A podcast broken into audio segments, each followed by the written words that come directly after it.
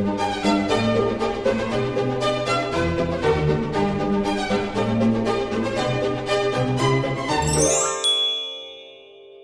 och välkomna till Kungligt Med Jenny Alexandersson. och Sara Eriksson. Vi fortsätter Jenny och kämpa på distans poddar. Ja, men det gör vi. Så hör ni något konstigt ljud i bakgrunden, hackar det eller låter burkigt så vet ni varför. Vi sitter alltså i, på varsin sida av stan. Ja men det kan man säga och det känns ju väldigt tråkigt att vi inte ses men det, det är så det är just är nu och eh, man är väldigt tacksam för att det faktiskt går att producera kungligt material och att vi får prata kungligt trots rådande omständigheter. Ja, det var ju så roligt. Igår så möttes vi ju via videolänk i en tv-inspelning för Aftonbladets kungliga inspelningar. Ja. Eh, och, så jag fick ändå se dig, om det, det var ändå tvådimensionellt. Jag hade hellre sett dig tredimensionellt. Verkligen men eh, kanske, kanske nästa vecka, vi får se. Men det var också väldigt intressant för att jag insåg då att eh, det är svårt att få till det här med ljud, ljus och bra bild eh, hemifrån. Så att jag fick ju då bygga upp som ett torn. Eh, jag tog strykbrädan och sen byggde jag upp, jag tror det var fyra, fem böcker och sen en dator på. Så jag är glad att det, att det höll igenom hela inspelningen, men det funkade. Väldigt smart gjort. Man får liksom hitta nödlösningar till allt. Man får göra det och man har blivit Ja. lite av en eh, teknik-queen här nu efter eh, corona måste jag säga. Man har liksom hittat lite Ja. nya vägar man inte visste fanns i alla fall. Ja, men precis. Jag håller med. Ja. Så är det. Men eh, några som också hittar nya vägar att gå i coronatider det är ju kungligheterna. Vi har ju sett eh, världen över helt nya sidor av våra kungligheter och hur de har agerat och, och vad de gör i denna kris. Och eh, nu senast här så är det ju då att eh, prins Carl Philip han har ju tagit efter sin hustru prinsessan Sofia. Ja, eh, Sofia var ju snabb med att ställa om sin, eh, ja, men sitt jobb. Hon eh, gick ju en tre dagar lång utbildning, samma utbildning som SAS-personal gick för att ställa om då till eh, vården.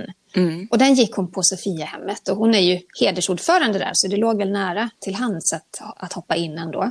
Så hon jobbar ju på sjukhuset. Hon hjälper till med allt ifrån städning till att förbereda i köket och ja, men underlätta för annan vårdpersonal som då jobbar med, med andra patienter. Mm. Och det här ska ju sägas, det har vi pratat om tidigare i podden, att det här har ju hyllats världen över. Just att, att hon har gjort det här. Och, eh, Ja, det var en brittisk tidning som satte henne som en av världens mest eh, framstående, säger man, Ja, ja, framstående kvinnor i april, just för att hon hade gjort det här. Ja, Men. Carl Philip har ju faktiskt nu då gjort samma sak, Mm. eller hur? Ja, men han har också ställt om sitt eh, arbete och vi kan väl tänka sig då att eh, han har inspirerats lite av sin fru och även han vill ju såklart hjälpa till i den här rådande krisen. Och eh, sedan mitten av maj så tjänstgör Carl Philip som reservofficer med då majorsgrad vid försvarshög... Försvarsmaktens högkvarter. Ja, och det är lite spännande för att eh, han har ju nära koppling till Försvarsmakten såklart eh, i och med sin kungliga status och att han har gjort eh, en karriär då inom, eh, inom Försvarsmakten. Eh, han är placerad vid insatsledningens operativa ledningscentral. Det låter ju lite speciellt. Ja, verkligen. Eh, men man kan förklara det med att där leder man och samordnar då den operativa verksamheten, alltså den verksamhet som pågår handgripligen och insatser då för samtliga stridskrafter. Stridskrafter, vad kan man eh, förklara det med? Det är väl marinen och ja, men alla de här delarna som ingår liksom i Försvarsmakten helt enkelt. Precis.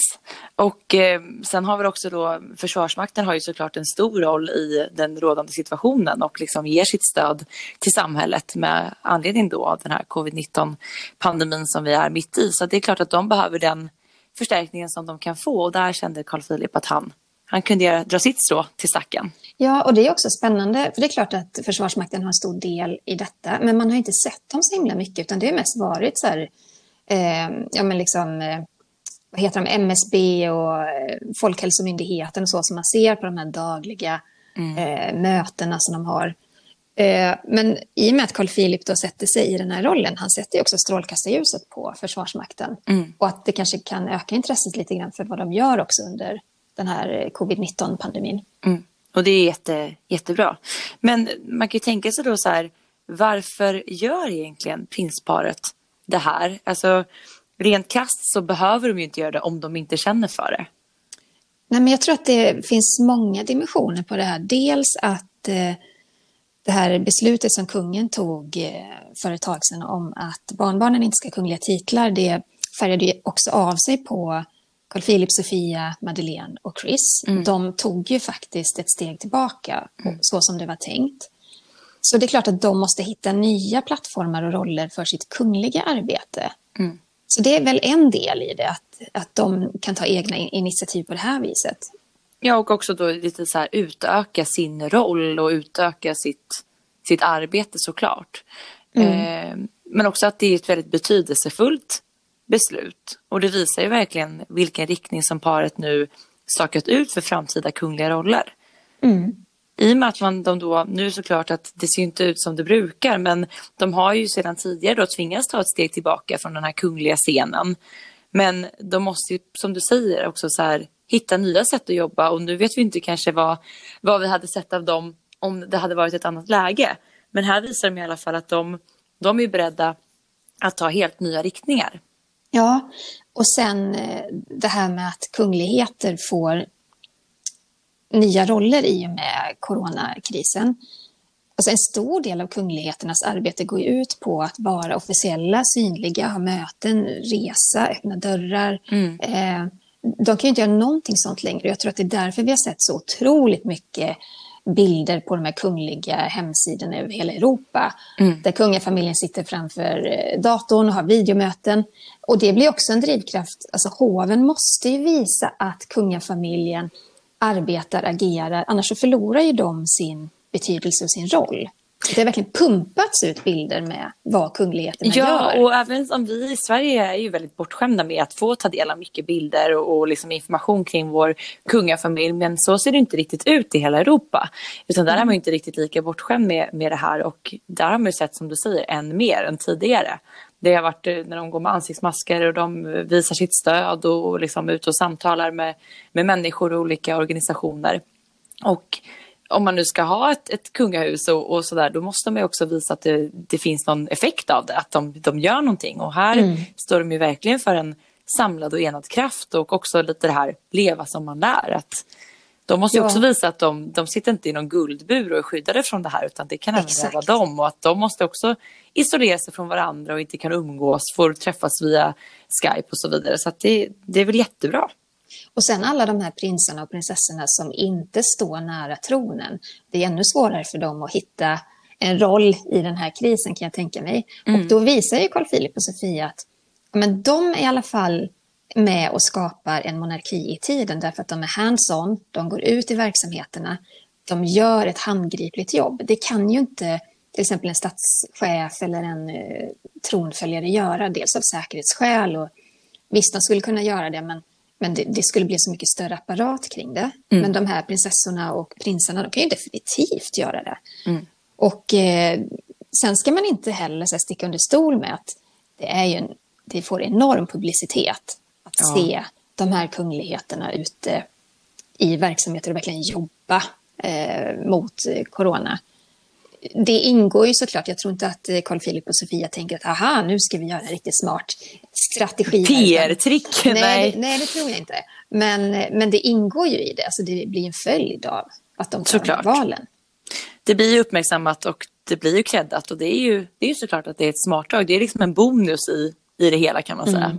Och det är ju mycket som, som påverkas såklart av det rådande läget och eh, förra veckan så fick vi en lyssnarfråga som berörde då kronprinsessan Victorias födelsedag. Det var en lyssnare som undrade hur den skulle firas i år och vi hade ju egentligen inget svar på det då för vi hade inte tagit del av någon information. Men nu har de faktiskt gått ut med ny info kring det här och eh, som bekant då kronprinsessan Victorias födelsedag, hon fyller år den 14 juli och firas alltid på Öland.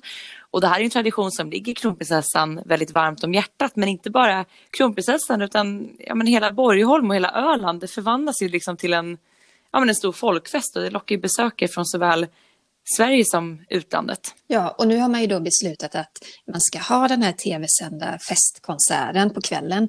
Men eh, med en minimal publik. Jag menar, Folkhälsomyndigheten säger ju att max 50 personer får samlas. Ja. Så man kan ju tänka att det är kungafamiljen och kanske några andra VIP-gäster som, som bjuds in. Men framför allt, man har beslutat sig för att i alla fall genomföra den och det är ju roligt. Mm. Däremot och, så tror jag inte att man genomför den här eh, träffen på Soliden när Victoria, det, sam, alltså det samlas ju tusentals människor när hon ska mm. ta emot gratulationer vid slottet. Men det här var väl också nytt för i år att vanligtvis så hålls ju den här då konserten på Borgholms IP inne i liksom själva stadskärnan. Men i år så skulle den väl hållas i slottsruinen om jag hade förstått ja, det rätt. Ja, just det. Eh, så det var lite nytt för i år. Men nu enligt då det här pressmeddelandet vi har fått tagit del av så ska liksom hela den här konserten, den kommer genomföras som du säger Jenny. Vi kan nog räkna med i alla fall kronprinsessan och hennes familjs närvaro. Så får vi se huruvida det kanske kungaparet är med eller inte. Men med tanke på hur det ser ut nu umgås de ju inte. Eh, men att den kanske då kommer vara mer tv-anpassad. Men mm. det känns ju kul ändå att det blir någonting av Ja, det och nu får du ju en helt ny kuliss då i mm. ruinen. Det blir säkert jättefint. Ja, men det tror jag. Så det är en liten tröst. Det är en liten tröst i, i det hela. Men du, liksom jag, har ju varit på plats här under födelsedagsfirandet tidigare i år. Ja, gud, jag kan knappt räkna hur många år man har tillbringat Victoriadagen nere på Öland. Men ja, jag har nog rätt många minnen därifrån. Men Alltså det man minns bäst tycker jag, det är de här Victoriadagarna då det har varit så himla fint sommarväder och, och varmt och härligt. Mm. Men sen är det ju, man är ju där nere på jobb och eh, eh, man får ju vänta då, är man fotograf eller reporter får man ju alltid vänta vid de här stora grindarna in till Soliden. Och de öppnas ju för oss i pressen lite tidigare och det är ju alltid mycket folk. Det är liksom ja. svenska, tyska, danska, norska, finska medier. Och jag lärde mig ju väldigt snabbt då redan första gången att det gäller att springa ja. när de öppnar grindarna så att man får en bra plats vid de här avspärrningarna vid slottet. Aha. Och jäklar vad det sprängs kan jag säga. Eh, fotograferna de bär ju på stegar på axeln, tunga kameroväskor. Alltså det, det är ganska komiskt om man ser det utifrån. Ja. Och jag vet det allra första året då jag var med, det var ju, alltså jag var ju ganska ung, kan det vara 20 år sedan? 20? 15? Ja, jag vet inte. Men då sa den här fotografen jag jobbade med då att ja, men du är rask i benen, spring så fort du kan och ta en plats. Och jag, du vet, man får ju så här harpuls bara. Hjälp! Alltså jag sprintade i mina tunna sandaler så benen for liksom åt alla håll i det här gruset. Och sen insåg jag ju att Nej, det, det, krävs ju inte någon språngmarsch för oss reportrar. Alltså man får ju alltid plats, man ser ja. ju alltid, man får knö lite liksom. Men, Exakt. men det löser sig. Men eh, jag tror att fotografen kanske ville ha bra plats och skickade mig i förväg, vem vet? Ja, det var nog klokt. Man, de är ju framförallt vill de stå absolut i frontlinjen i och med att de vill ha de här bästa, bästa bilderna, bilderna, från när de anländer såklart. Ja. Medan som reporter kan man ju faktiskt hamna lite på på sidan. Man får ju fortfarande prata ja. en liten stund med, med kronprinsessan. Ja. Men apropå fotografer, jag minns mitt första år där så jag visste liksom inte riktigt hur, vad jag hade att vänta mig utan man har ju förstått att det är mycket folk, man kom som du säger, man kom till de här grindarna väldigt tidigt på morgonen. Redan då hade ju besökare köat i flera timmar mm. och satt och hade så här kafferep och jag gick och frågade några damer längst fram i kön, de hade ju suttit där från fyra på morgonen. Åh oh, herregud. Och haft liksom fika och kaffe. Som tur var var det väldigt fint väder då. Mm. Men eh, sen var det bara då att springa och sen när man väl har fått sin plats, ja men då vill man ju inte bli av med den. Så att, och jag menar vi var väl där kanske vid sju på morgonen. Mm. Och sen kommer inte kronprinsessan förrän vid två. Ja. så att man bara, jaha, ja, oh, eh, här ska jag stå. Och då var det en tysk fotograf som var väldigt mån om att ha en bra plats. Och han hade inte riktigt fått den där platsen han, han hoppades på. Så när jag då liksom, jag ville ju hålla min plats och när kronprinsessan väl kom runt och skulle ta, prata med mig, ja, men då fick jag hans stora kameralins i huvudet med en riktig smäll. Så jag kände att nästa, år, nästa gång fick det bli hjälm tänkte jag då, så glömde jag den året därpå. Men det är liksom det är lite tuffa tag. Men det är lite, det är vassa armbågar och det är liksom tung utrustning som knuffas runt liksom. Ja. Eh, alltså jag undrar hur det ser ut från andra sidan, från kungafamiljens sida, liksom, när pressen står Springer där. Och, in. Ja, och det blir som en mur i och med att de har, fotograferna också då har stegar. Så, så är det liksom en hög mur liksom, runt hela avspärrningen där i prästfållan. Man kan ju förstå det när man hör så intervjuer med prinsessa Madeleine att hon alltid har tyckt att fotografer är lite olustiga. Det är ju inte så konstigt att komma ut som treåring och mötas av, av den, den där synen. Nej, Ja, men precis. Men det är synd för att jag tycker att, nu är det klart jag är väldigt intresserad också, men det är ju en väldigt mysig stämning runt det här firandet. Liksom som jag säger, de sitter och dricker kaffe sen väldigt tidig morgon och liksom, det blir en väldigt härlig oas där inne i, i Slottsträdgården. Ja, och sen är det ju det är många som verkligen ser detta som en tradition som återkommer år efter år. Och, eh, nu blir det ju inte riktigt så, men, men samtidigt vi får tänka att det här året är lite inom en parentes och att nästa år kanske blir dubbelt så fint firande. helt enkelt. Ja, men jag tror det. Vi hoppas på det. Mm.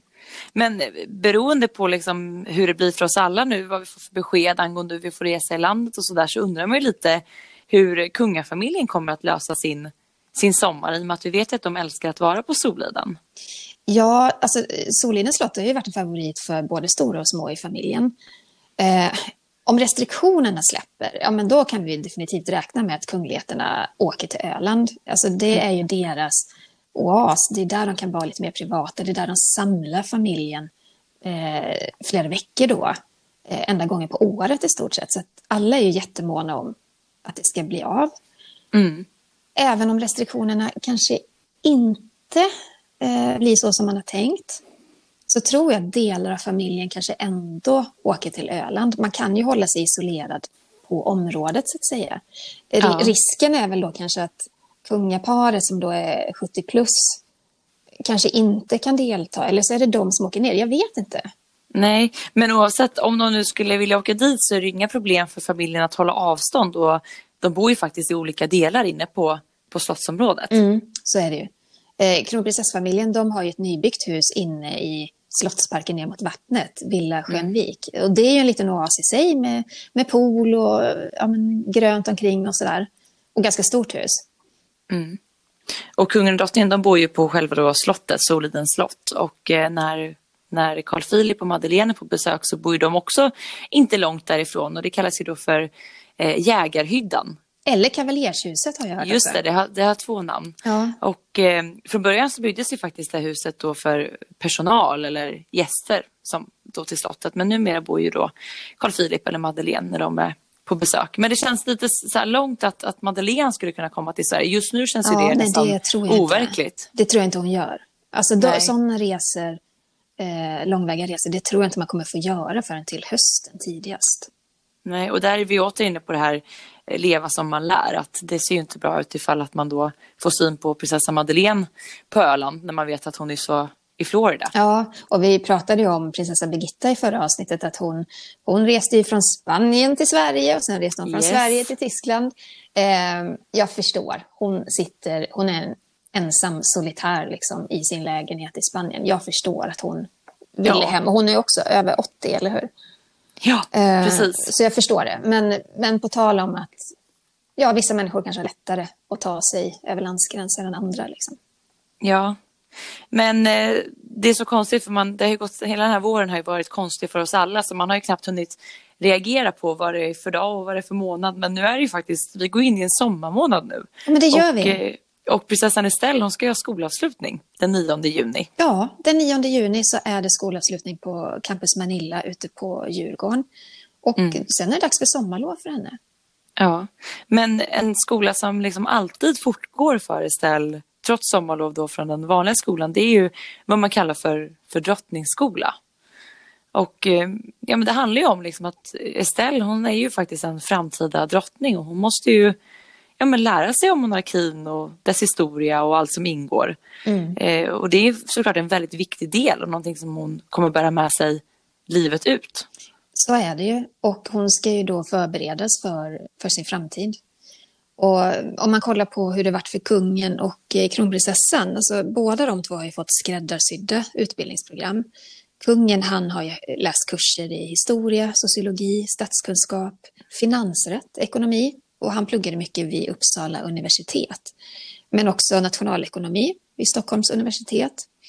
Men, men det var inte något program utan det här var liksom utvalda kurser som sattes ihop till eh, en utbildning som då skulle passa kungen och hans eh, jobb. Mm. Men det har också varit studiebesök hos myndigheter, ambassader, företag, FN, Sida. Eh, så han fick liksom ett paket, ett utbildningspaket, ja. skräddarsytt.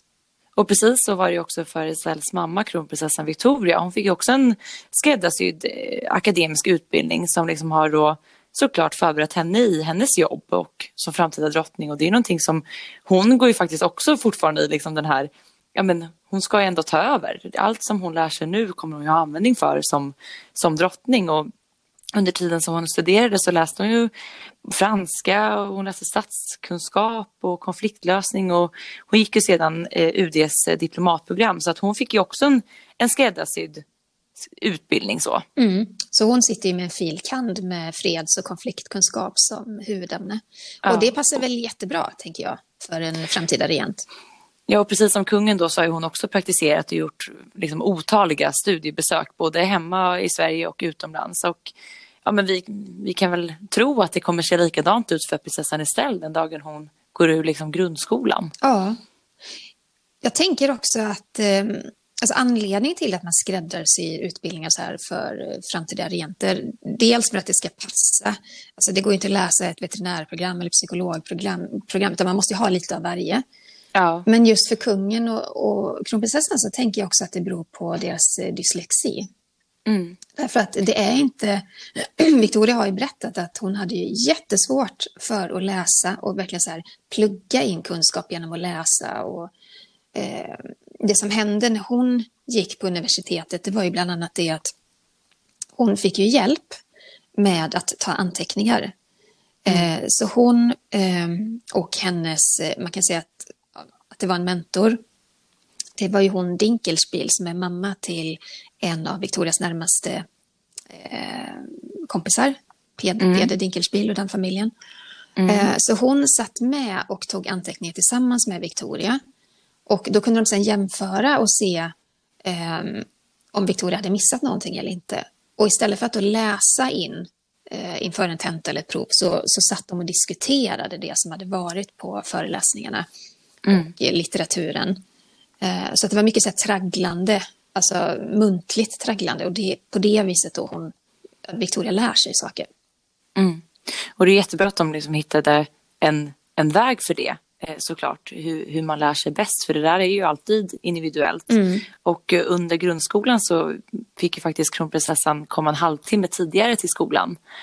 Just för att få lite extra stöd mm. och hjälp och sådär. Eh, men vi kanske kan räkna med att istället den dagen hon ska välja utbildning kommer att läsa något liknande i och med att Absolut. man måste ju kunna lite och mycket och ha fokus på att liksom ja. vara en så bra representant för Sverige som möjligt. Ja, och jag tror att, att man har sett det här som en framgång både med kungen och med kronprinsessan, just det här skräddarsydda, att, mm. eh, att det är ett, ett bra sätt att förbereda en person. Men man tänker som Estelle då, även nu är hon fortfarande väldigt eh, ung och liten och så här, men även fast man då inte pratade den akademiska biten så har ju hon liksom under flera år fått följa med mamma och pappa när de jobbar. Och eh, ja, men det är för att liksom också kunna observera och, och liksom lära sig hur det, hur det fungerar. Jag tror att det är det bästa sättet att lära sig ett sånt här yrke. Att se hur ens föräldrar agerar, hur de beter sig och och vad de gör. Och får man vara med på plats tidigt så, så får man ju med sig det i grunden helt enkelt. Mm. Och sen också att också... lära sig den här sociala delen, för den kan ju vara mm. ganska svår, särskilt om man är blyg. Det har varit ett ja. problem för prins Carl Philip till exempel. Eh, men som kunglighet och som Sveriges framtida drottning så är hon en offentlig person och hon måste lära sig väldigt tydligt att kunna föra sig i kungliga sammanhang. Och att det mm. ska gå automatiskt för henne det här med handskakningar, eh, alltså, ja men allt. Att konversera, att, att kunna vara ja. en person som kan föra sig i rummet. Ja, och liksom prinsessan Estelle, hon har nästan aldrig visat sig blyg. Utan redan som liten så gick hon sida vid sida med sin mamma och pratade då med, liksom för henne då, okända personer emellanåt. Och hon har liksom inte varit särskilt skygg för det här kamerasmattrandet utan hon liksom, det känns inte som att hon har haft så svårt för att stå i rampljuset. Nej, men, men... De, de, har nog liksom eh, vant henne så tidigt ja. de bara kunde. Jag tror hon var två år när hon för första gången fick eh, klippa ett band. Hon invigde en ja. sagostig tror jag som hon fick i doppresent. Precis. Men jag tycker att det är intressant just när man tittar på ja, tronföljaren eller då den blivande drottningen eller blivande kungen. Hur det också kan skilja sig så mycket åt med, med syskonen. Mm. Det är bara att titta som ja, men kronprinsessan Victoria, för henne har det alltid också fallit ganska naturligt hela delen. Medan hennes syster Madeleine har haft väldigt emellanåt svårt med media till exempel. Ja, och likadant med drottning Elizabeth och hennes syster Margaret. Eh, ja. Där har ju Margaret också. Millions of people have lost weight with personalized plans from Noom. Like Evan, who can't stand salads and still lost 50 pounds. Salads generally for most people are the easy button, right? For me, that wasn't an option. I never really was a salad guy. That's just not who I am. But Noom worked for me. Get your personalized plan today at Noom.com. Real Noom user compensated to provide their story. In four weeks, the typical Noom user can expect to lose one to two pounds per week. Individual results may vary. har alltid hamnat lite i trubbel med medierna medan Elisabeth som äldst har klarat det helt fantastiskt. Ja, och där ser man egentligen också väldigt skillnad mellan eh, William och Harry. Mm. Särskilt nu när vi ser hur, hur det hela slutade. Eh, där allt egentligen skylls på media. Det är också väldigt olika men det har väl mycket att göra med att de, de här äldsta barnen har från dag ett liksom skolats in i det. Medan det har varit lite mer fritt för de yngre och kanske inte heller behövt ställa samma krav på dem kan man ju tänka sig. Det här är ju spännande med kungen för att han har ju han har väl aldrig egentligen varit jätteförtjust i det här. Alltså han, var ju, han slog ju bakut redan som, som liten att han skulle bli lantbrukare, minsann inte kung, när hans syster ja, retade honom. Eh, han har ju också ett drag som är lite mer reserverat och, och där tänker jag att, att han säkert har fått kämpa mycket mer med den här känslan av att vilja, att klara av, att eh, bli accepterad. Och han är, han är en människa som har mötts av enorm kritik i unga år. Eh, mm alltså på, på 60-70-talet så skrevs det ju otroligt mycket eh, dystert om honom och hans eh, partyliv och det ena med det andra innan han då träffade eh, Silvia Sommerlath. Så det kan också vara tufft för det barnet som inte är jätteintresserad av, av det här. Ja, men såklart. Och där är också vår kung, vilket jag kan tycka är lite av hans skärm också, att han har lite den här vassa tungan gentemot media. Vi har ju sett några gånger där han har fått nog och mm. sagt vissa saker som ja, men som har fått både ris och ros. Eh, ja, jag tänker mycket på när, var det när prinsessa Madeleine, när det offentliggjordes att hon skulle få sitt första barn eller vad det var, när, när kungen blev intervjuad och eh, de frågade då, kommer prinsessa Madeleine att flytta hem till Sverige? Tror jag någon ställer en mm. reporterfråga. Varpå han fick lite noga media och svarade så här, nej, hon ska faktiskt flytta till Island. Kommer du ihåg det? Ja. han, liksom, att han har ju varit ganska duktig på att liksom, klippa av. Eller det var någon reporter som pratade med honom och då kanske kungen tyckte det blev lite så här, ja. ointressant. Och han sa så här, nej men titta där kommer en katt. Ja. Alltså så han har ju ändå det där, han är ju lite nära till att våga vara lite sådär. Ja, sen är det också, det är också svårt med, med humor. För jag minns, eh, jag tror vi var, vi var ett pressgäng med kungaparet i Nederländerna. Eh, och då kom det sig av en slump bara att vi var fyra, fem kvinnliga reportrar. Det var TT, det var jag, jag tror jag jobbade på Svensk Damtidning då. Och sen mm. var det mm. från eh, lite andra ställen.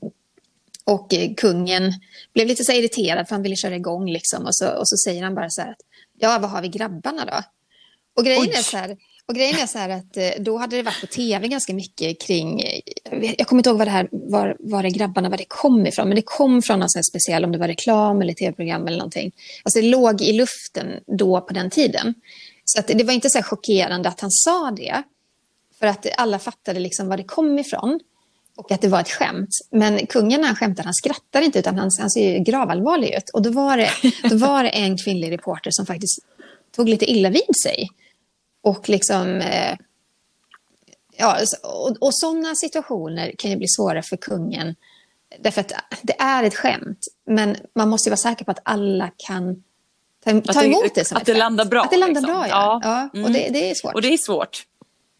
Ja, men det här med dyslexi, att plugga eh, och att vara kunglig, det, det är tufft alltså. Kungen, mm. prins Carl Philip, kronprinsessan Victoria och även då prinsessan Madeleine, de, de har ju tampats med dyslexi och haft mm. olika grader av svårigheter. Mm. Och något som påverkar främst är skolgången och hur de får kämpa hårt. Och eh, Carl Philip och Sofia de brinner faktiskt extra för det här ämnet. Och de har en stiftelse för att öka, det är deras stiftelse som de, som de grundade när de gifte sig. Den har ju som fokus bland annat att öka respekten och förståelse för personer med dyslexi. Mm. Och en annan kunglighet som faktiskt också har läs och skrivsvårigheter, det här är ju ändå rätt vanligt, det är prinsessan Beatrice. Hon är ju drottning Elisabeths barnbarn. Ja, Och hon gav nu i veckan, tror jag det var, en intervju då för att visa sitt stöd. Och eh, det här var då för en brittisk organisation, Made by Dyslexia. Och eh, då gav hon då en intervju eh, och där sa hon bland annat så här citat att vi har ett ansvar för att förbättra klimatet för ungdomarna i klassrummen. Slutcitat. Och det är precis som du säger Jenny att hon liksom alla andra som, som bär på det här de får ju såklart väldigt stora utmaningar just i klassrummet så att hon vet ju vad hon, vad hon pratar om.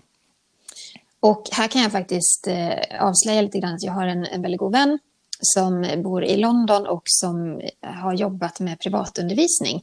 Eh, han har faktiskt undervisat Beatrice och eh, den här kompisen till mig han är specialinriktad på dyslexi. Mm. Och han har berättat att eh, både Beatrice och Eugenie de var, alltså de kämpade jättemycket, de var jätteduktiga men att det blir liksom såklart ett hinder för dem mm. att bokstäverna hoppar. Och, mm. han, han gav dem massa bra tricks Ja, men vad, eh, klara av det. Mm. Vad bra.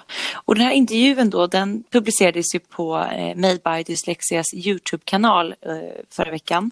Och eh, där berättade hon också att hennes eh, engagemang bygger såklart på hennes egna erfarenheter och eh, hennes dyslexi. Och eh, hon berättade även att hon var just lyckligt lottad som gick i en skola där de gav henne mycket stöd. Så det kanske är till honom att referera då, Jenny? Nej, jag tror för att, för att han, eh, han är ju inte i, i skolmiljö utan han kommer okay. hem och undervisar barnen. Okay. Eh, så att, eh, och det är väl det, där är man ju också privilegierad som kunglig tänker jag. Att, ja, de går i bra skolor där det finns stöd, men de kan också få hjälp av guvernanter som kommer hem till dem och hjälper dem med läxor och så vidare. Ja, för hon berättar även då i, i den här intervjun hur jobbigt hon tyckte det var att alltid ligga efter sina vänner, att hon alltid kände att de var på en högre läs och skrivnivå. Hon pratar om att det är så olika färger på böckerna beroende på vilken nivå man hade nått. Att det alltid var jobbigt att ha den här lite lägre färgen då, som alla hade kommit förbi. Oh, eh, och hon pratade även om att, så här, att hon inte kände sig tillräckligt bra och att hon inte var smart nog. Och varför var inte jag som alla andra, säger hon. Och, eh... men, men det har vi också hört Carl Philip och Victoria vittna om, att de kände sig dumma i skolan. Och det är mm. fruktansvärt att, att vara i den miljön, känna att man är sämre än någon annan.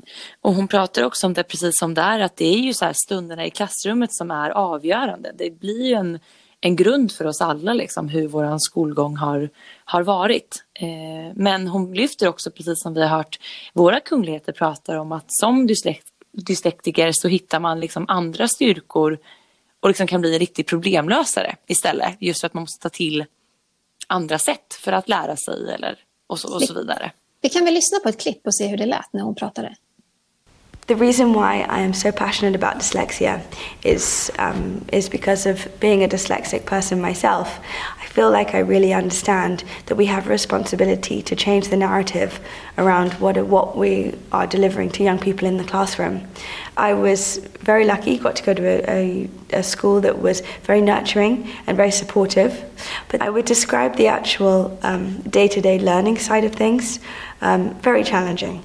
You know, I remember we had um, different coloured books to describe how far where your reading levels had got to. And I was always on the white books. My best friends were always on the yellow books or the green books. They were so far ahead. And I think at that stage, you those moments of doubt just pop into your head. I'm not good enough. I'm not smart enough. I'm I'm not. Why am I not like the others? I think when you're in the classroom, those moments are very, you know, they're very defining um, I think if I would say to my younger self, do not be defined by those moments that happen to you in that exam or, or that classroom because they are lifelong learnings, they are lessons that you carry with you um, and they build, they build you up to be who you are. I think that education now, you know, when you've got a lot of young people that are focusing on just getting things perfect for a test and absolutely not being able to have that moment of expression that comes from a study around lifelong learning um, and actually what skills based learning really looks like, um, we are going to get into ourselves in a very difficult situation. So I'm really excited with all the work that's going on now with a few different organizations across the world to really think through what is skills based learning and what are the skills that um, young people need to be able to thrive in life. Ja, prinsessan Beatrice, hon skulle ju faktiskt ha stått brud imorgon, den 29 maj. Hon skulle ja. gifta sig med Eduardo Pelli Mozzi. Men eftersom läget är som det är med corona så har de ju fått eh, förändra sina planer helt enkelt. De kan ju inte ha något stort massivt bröllop därför att eh, italienska släktingarna de är ju fast i Italien, de kan ju inte ta sig till, till London. Nej. Så man, man flyttar helt enkelt fram bröllopet. Ja. Och det nya datumet är fortfarande oklart i och med att ingen vet hur det här kommer att utvecklas. Men tänk liksom idag, vi spelar in det här torsdagen, men idag fredag när den 29 maj när podden släpps, då skulle vi egentligen kanske ha bevakat ett bröllop, Jenny. Ja, så hade det varit. För att det hade ju varit minst lika stort som hennes syster Eugenies eh, bröllop härom Ja. sistens. Eh, Men så blir det inte i år helt enkelt. Nej, men vi håller oss kvar lite i, i Storbritannien för jag tycker att det kan inte gå en hel podd utan att man pratar om William, Kate, Harry och Meghan. så är det. Men först och främst har ju, precis som vi pratade om att Carl Philip och Sofia, vi ser lite nya sidor av dem nu i den här krisen. Och eh, William och Kate då, som är kusin, William är kusin till Beatrice som vi precis pratade om. Och de gör ju såklart allt vad de kan för att hjälpa till och, i den här krisen och sprida små ljusglimtar och så vidare. Och jag måste säga att jag är väldigt positivt överraskad av deras agerande just nu. Annars så tycker jag att man kan uppleva dem kanske som något stiffa och, eh, och lite så här tillbakadragna. Men de har verkligen visat en ny sida av sig själva under den här pågående pandemin. Och nu är de ju också brittiska kungahusets liksom riktiga frontfigurer för att Elisabeth hon sitter isolerad på Windsor och eh, Charles han har själv varit sjuk och håller sig isolerad så att vi ser dem liksom mer än någonsin. Ja, men de symboliserar på något sätt eh, den brittiska framtiden och också en yngre generation. Och det var ju så kul för att eh, för någon dag sedan här så agerade de bingovärdar via Skype från. Ken- Kensington Palace. Så de satt och ropade ut bingonummer till boende på ett eh, äldreboende. Och innan då de började spela bingo så pratade de ju med, med vårdpersonalen på boendet.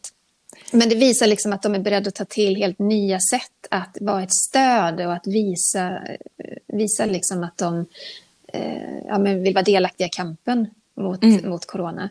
Och de är ju Alltså de är också måna om att lära sig av effekterna av covid-19 och lära sig om utmaningar som, som alla ställs inför. Och det, det är bra. Det är Jo, fantastiskt. och deras närvaro var ju såklart väldigt uppskattad på det här eh, hemmet. Och, eh, ja, men de ropade ju upp då alla nummer och så visade de så här bingo eh, numret i kameran för att man verkligen skulle se vad det var. Och då eh, drog faktiskt Kate nummer fem och då berättade de att det är deras son George allra favoritnummer. Men eh, inte hade man kunnat räkna för ett halvår sedan att vi skulle se Kate och William sitta och ropa ut bingonummer, eller hur Jenny? Nej, men jag tycker att många kungligheter blir mycket mer eh, familjära.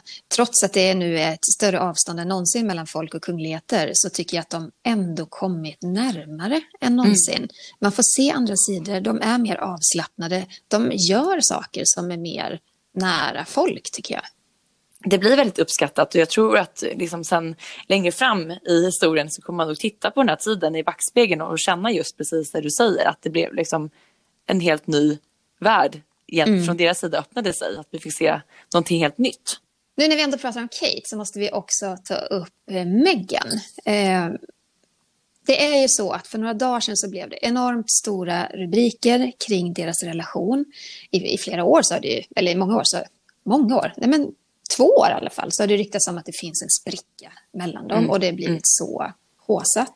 Ja. Eh, men det är The Tatler och det är ett magasin med väldigt hög svansföring i, i Storbritannien. Eh, De hade då enligt egen utsago varit i kontakt med goda vänner till Kate som avslöjat detaljer om Kate och Megans relation. Och då är det så att det blev ett storbråk. Vi kallar det för strumpbyxebråket. Ja, det låter lite udda kan man ju tycka. Men det, det, det handlar ju om att eh, eh, förberedelserna kring Meghan och Harrys bröllop så har ju kungligheterna alltid brudnäbbar, små barn som följer dem upp för altargången.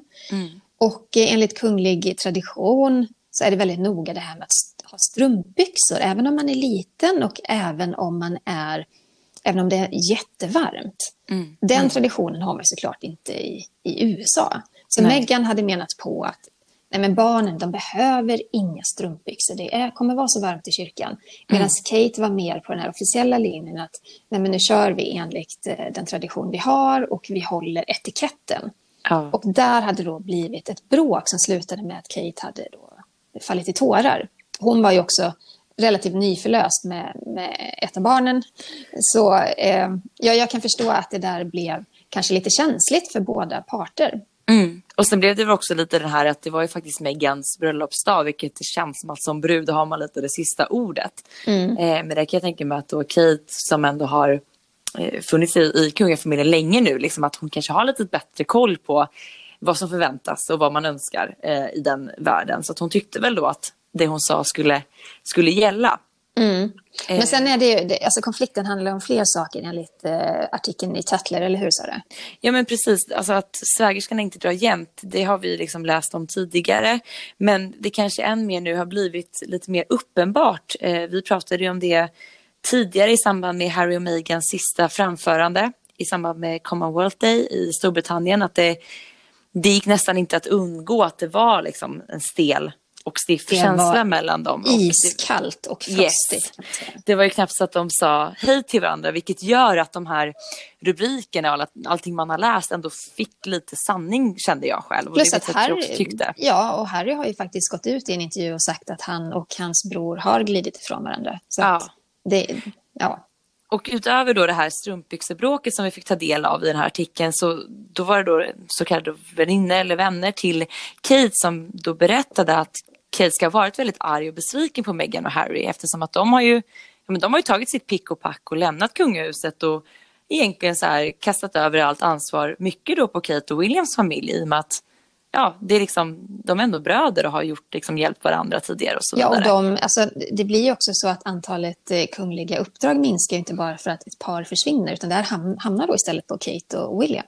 Ja, och särskilt nu också med tanke på att Andrew har, har gjort vad han har gjort, vilket gör att han är utstängd i, i kylan eh, från de, de kungliga uppdragen, även om han är den som gärna tar sig an fler. Mm. Så att det är klart att det blir mer för dem att göra. Och eh, den här vännen då ska ha sagt att hon ja, men att, hon hade, att Kate hade pratat om att hon nu känner att hon förlorar mycket av sin mammatid och att hon inte hinner vara en närvarande mamma på samma sätt som tidigare. Och man pratade då mycket om att de, ja, men att de känner att de har blivit kastade under bussen och det är ju liksom ett, det låter ju värre än vad det är men alltså det är vad säger man, ett uttalande? Eller, ja, att, att de har liksom blivit lämnade i sticket med all arbetsbörda. Liksom. Ja, precis.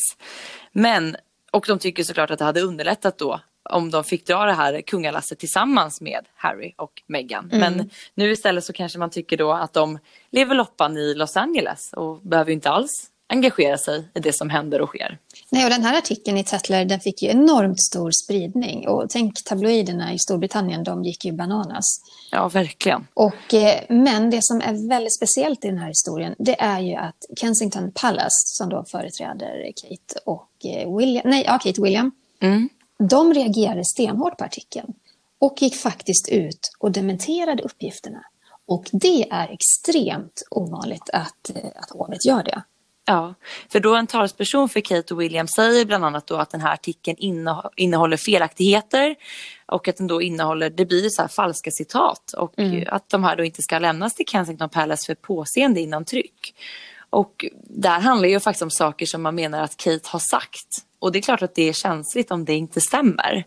Ja, men enormt känsligt. Och eh, det, det, som är förvånande är att det är just Tatler som är lite så överklassmagasin och eh, de är inte kända för att, för att skriva, liksom skriva tabloidskvaller. Liksom. Nej, eh, precis. Så grejen är så att det, det, kan mycket väl stämma att de faktiskt har pratat med vänner till paret. Men att de här uppgifterna blir så enormt känsliga i det här läget för Kate och William, men även Meghan och Harry. Mm. Att, att, de bestäm, att hovet bestämmer sig för att gå ut och dementera. Men misstaget, tycker jag lite grann, är att... Alltså jag förstår att de gör det, för de vill ju, de vill ju liksom bryta den här negativa spiralen, att det, att det råder en spricka mellan syskonen och mellan svägerskorna. Jag förstår mm. det absolut. Problemet är liksom när de går ut och dementerar så här att ja, men nästa gång det skrivs felaktigheter och de inte dementerar, då blir det en signal att jaha, men då kanske det ligger någon sanning i det som skrivs. Så att det blir, en, det blir som en dålig spiral som... Ja. Det är dumt att ens börja pilla där på något sätt. Ja. Om det inte handlar om något väldigt grovt förtal såklart.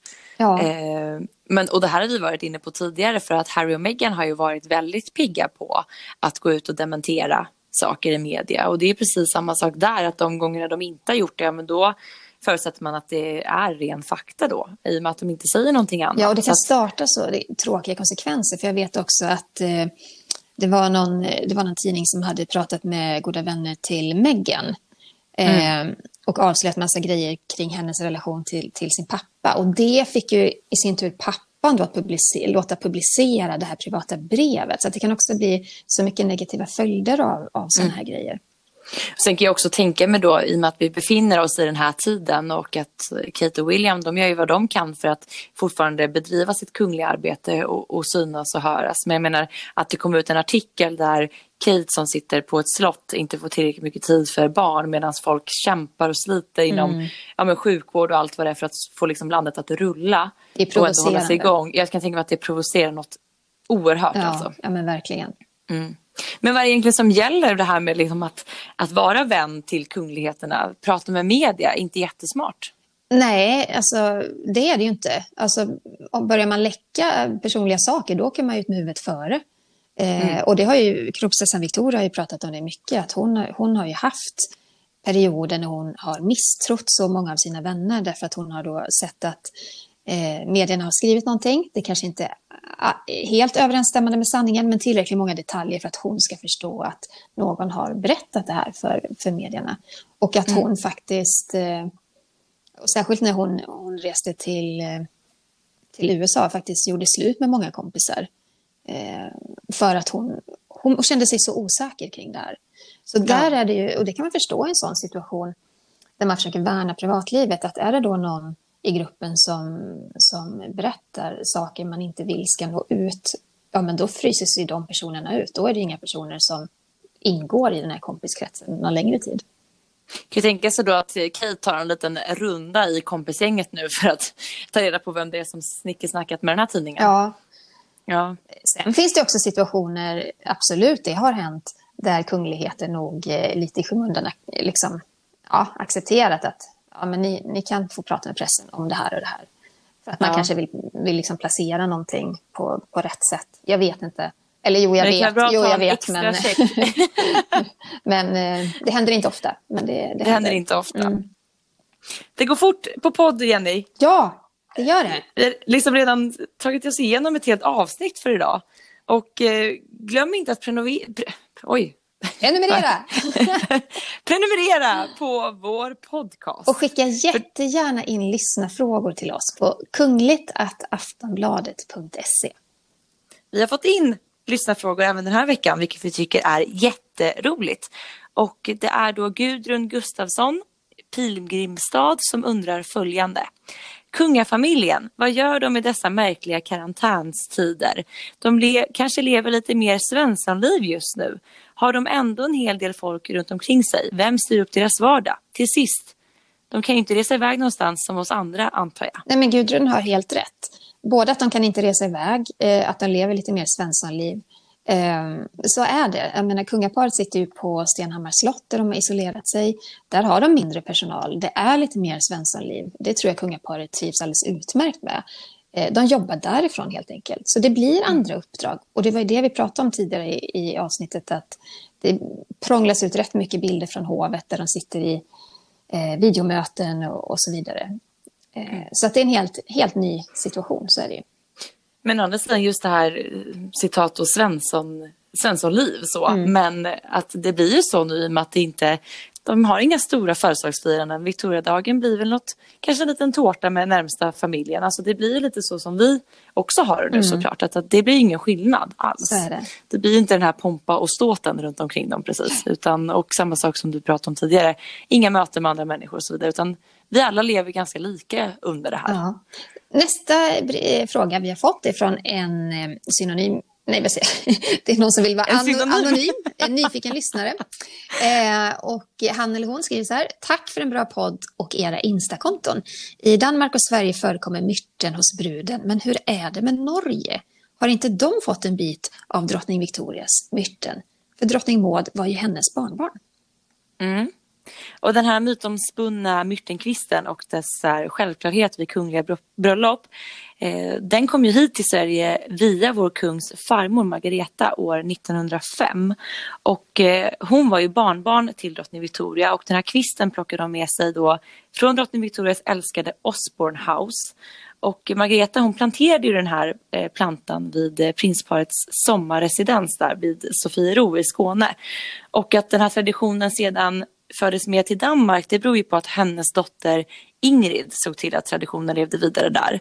Och eh, vad det verkar så tog liksom inte Maud eh, efter sin kusin Margretes idé om att ta med den här och plantera i sitt nya hemland. Och på så sätt så har traditionen inte tagits vid i Norge. Det är ju lite synd. Alltså, familjerna står ändå synd. varandra så nära. Det hade varit fint att se eh, norska eh, myttenkvistar också, tycker jag.